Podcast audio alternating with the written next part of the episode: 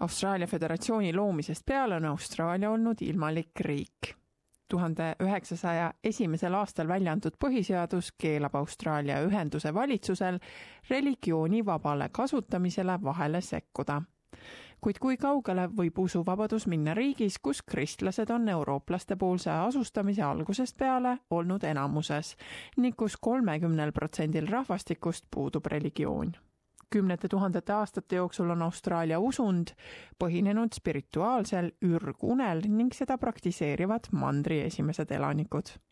peale eurooplaste asustamist pöörati kaheksateistkümnenda sajandi lõpust peale põhitähelepanu kristluse suunas.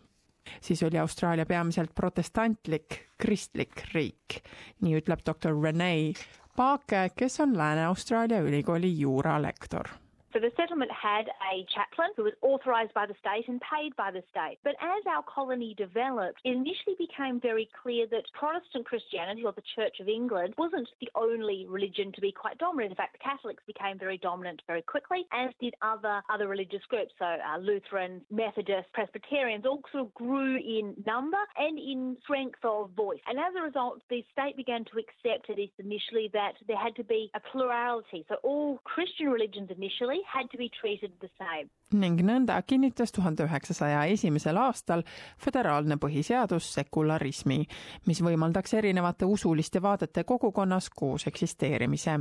Newcastli ülikooli õigusteadlane Neil Foster selgitab lähemalt The founders of Australia incorporated into the federal constitution a provision called uh, Section 116, uh, which sets out the rules that the Commonwealth Parliament shall not make laws which establish or set up a religion. So we can't have a national church here in Australia, and Commonwealth Parliament will not interfere with the free exercise of people's religion. Both Commonwealth and state parliaments over the years have accepted this general principle that religious freedom is an important value in Australian society.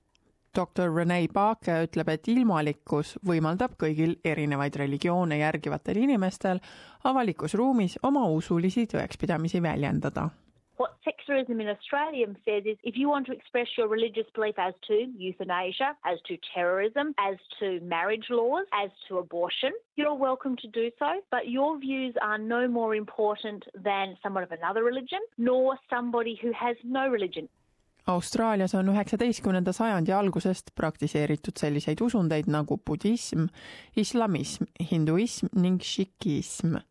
Osman Raini esivanemad olid ühed esimesed Austraalia moslemitest asunikud. ta leiab rahu viis korda päevas palvetamisest, sõltumata sellest, kui kiire tal päeva jooksul oma ettevõtet juhtides on või sellest, et ta on lisaks veel ka Brisbane'i moslemite heategevusliku organisatsiooni president Um, I'm third generation Australian Muslim. My grandfather came from uh, India in 1901, and my great grandfather came from India in uh, around about 1879. Yeah, we've been here a long time, and um, we've always practiced our religion and kept our faith as, as best we could. Seitsekümmend aastat kestnud valge Austraalia poliitika lõppes siis, kui Austraalia muutus aina multikultuursemaks. peale sõda Euroopast tulevat immigratsioonilainet ning hiljem Kagu-Aasiast ja Lähis-Idast saabuvat lainet. Austraalia on peamiselt endiselt kristlik riik. viimase kahe tuhande kuueteistkümnenda aasta rahvaloenduse kohaselt on viiskümmend kaks protsenti rahvastikust kristlased katoliiklus on nüüd suurim kristlik usulahk ning kakskümmend kolm protsenti rahvastikust on katoliiklased.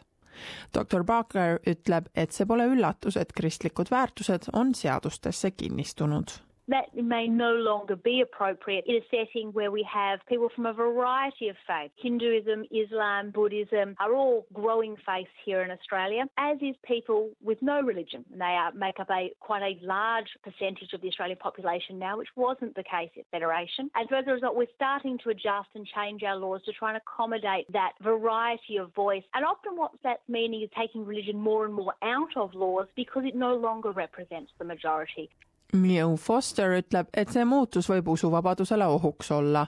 ta peab silmas kristliku lastepeo meelelahutajat, kes kaotas oma töö, kui ta avalikult teatas, et ta toetab posti teel toimuvas samasooliste abielu küsitluses ei häält The debate over same sex marriage has raised difficult issues because traditionally many religious groups, uh, not only Christians but uh, Muslims and Buddhists and Jews and, and, people from other religious groups, have taken the view that uh, marriage is only uh, a relationship that should be between a man and a woman.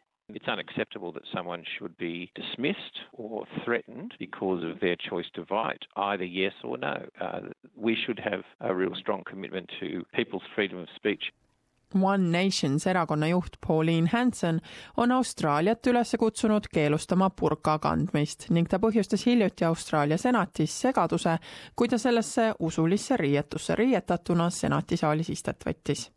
doktor Barker ütleb, et see on selge näide sõna- ja usuvabadusest Austraalias So if they believe there is an aspect of your religion which is not compatible with the way they see the world operating or they believe needs to change, then in Australia they are free to criticise and to critique your religion. But you are also free to defend your religion in the public sphere by arguing that there's nothing wrong with your religious beliefs.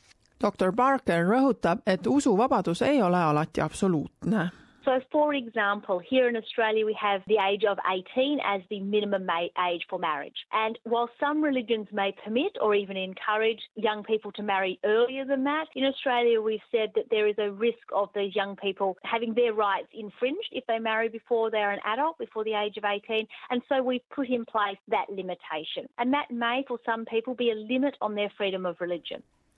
Kahe tuhande kuueteistkümnenda aasta rahvaloenduse kohaselt on kaks koma kuus protsenti austraallastest islamiusku. Osman Rain ütleb, et tal ei olnud Brisbane'is moslemina kasvades probleeme, kuid samas ütleb ta, et viimasel ajal on ta kogenud oma usule vastuolu Now there's much more visibility. Everybody sees Muslims when they're walking the streets or in the shopping centres. And also because since 9 11 and ISIS, there are a lot more um, intolerance towards Islam. Kuid üldiselt usub ta, et Austraalias on endiselt usuvabadus olemas. You can practice religion freely, and as long um, in a moderate way, it's accepted. It's accepted wholeheartedly by, by most Australians.